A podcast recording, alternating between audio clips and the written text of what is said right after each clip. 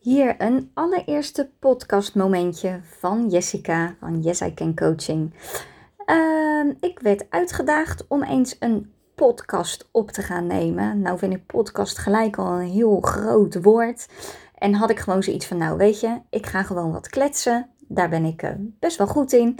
En uh, ik heb natuurlijk wel een onderwerp moeten verzinnen, tenminste verzinnen, eventjes over nagedacht. Want waar wil ik het dan over hebben? Wat wil ik vertellen aan jou? Ik heb een mooi onderwerp. Maak van sorry een dankjewel. En uh, hoe voelt het voor jou? Dat zou ik wel eens willen weten. Hoe voelt het als jij uh, meerdere keren per dag sorry gaat zeggen? Ik merk het hier bijvoorbeeld ook in huis dat mijn kinderen regelmatig sorry zeggen. Terwijl dat het eigenlijk niet eens aan hun zou liggen. Of dat het wel aan hun ligt, maar dat ze de, ja, tussen aanhalingstekens, pubers, er niks aan kunnen doen, omdat hun brein nog steeds in ontwikkeling is. Wat nou als je uh, in plaats van, sorry dat ik het weer moet vragen, dat je er dan van maakt, dankjewel dat je naar me luistert. Hoe zou het ook zijn als jouw kind dat tegen jou zou zeggen? Als je leert dat je een kind dankjewel kan laten zeggen in plaats van sorry, direct de schuld bij zichzelf te leggen. Je, je, je valt dan ook echt in een soort van slachtofferrol, wat eigenlijk helemaal niet nodig, in de meeste gevallen niet nodig is. Als er echt iets heel groots aan de hand is, tuurlijk, dan wordt er verwacht dat je even een sorry zegt, dat je erover nadenkt. Maar weet je, we zeggen eigenlijk tegenwoordig al zo snel sorry.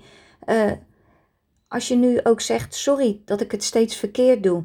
Dank je wel dat je zo geduldig bent met mij. Het is zoveel positiever dan uh, uh, ja, het woordje sorry. Ik vind het altijd heel erg beladen. En ik vind ook dat het veel te veel gebruikt wordt. Uh, en ook heel makkelijk, hè? Want uh, je legt dan ook direct de schuld bij jezelf. En dan is het ook klaar ik vind, uh, ja, sorry, ik was het vergeten. Nee, ga nou eens verder nadenken. Uh, wat had ik anders kunnen doen? In plaats van heel snel sorry te zeggen, oh dan is het afgedaan. Dan kan ik weer verder met mijn leven. Ik ben ervan mening dat als je juist op dat soort momenten, als er een sorry uitgesproken wordt, waarom zeg je die sorry? Is het wel aan jou om die sorry te zeggen? Of is er juist iets aan een ander om sorry te zeggen of een dankjewel? Um, een sorry kan ook heel snel natuurlijk iets zijn van, oh, dan, dan ben ik er maar van af. Dan kan ik weer uh, verder gaan.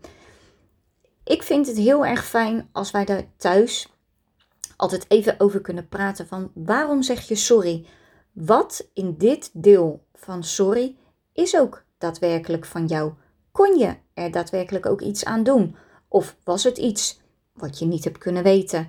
Was het iets van uh, ja, dat je er echt niet bij stil hebt gestaan? En hoe kunnen we het de volgende keer weer anders doen?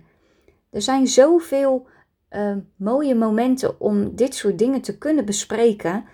Ik merk het echt in huis bij ons dat er echt wel regelmatig gezegd wordt door de kinderen: Oh, sorry. En dan gaan ze weer door. Nee, wees bewust van je sorry en probeer hem af en toe eens om te buigen naar een dankjewel. Sorry, ik was het vergeten. Dank je wel dat je me eraan helpt herinneren. Het is zoveel fijner om ook die ander dan daarin uh, in een mooi daglicht te zeggen, want je doet het uiteindelijk toch samen.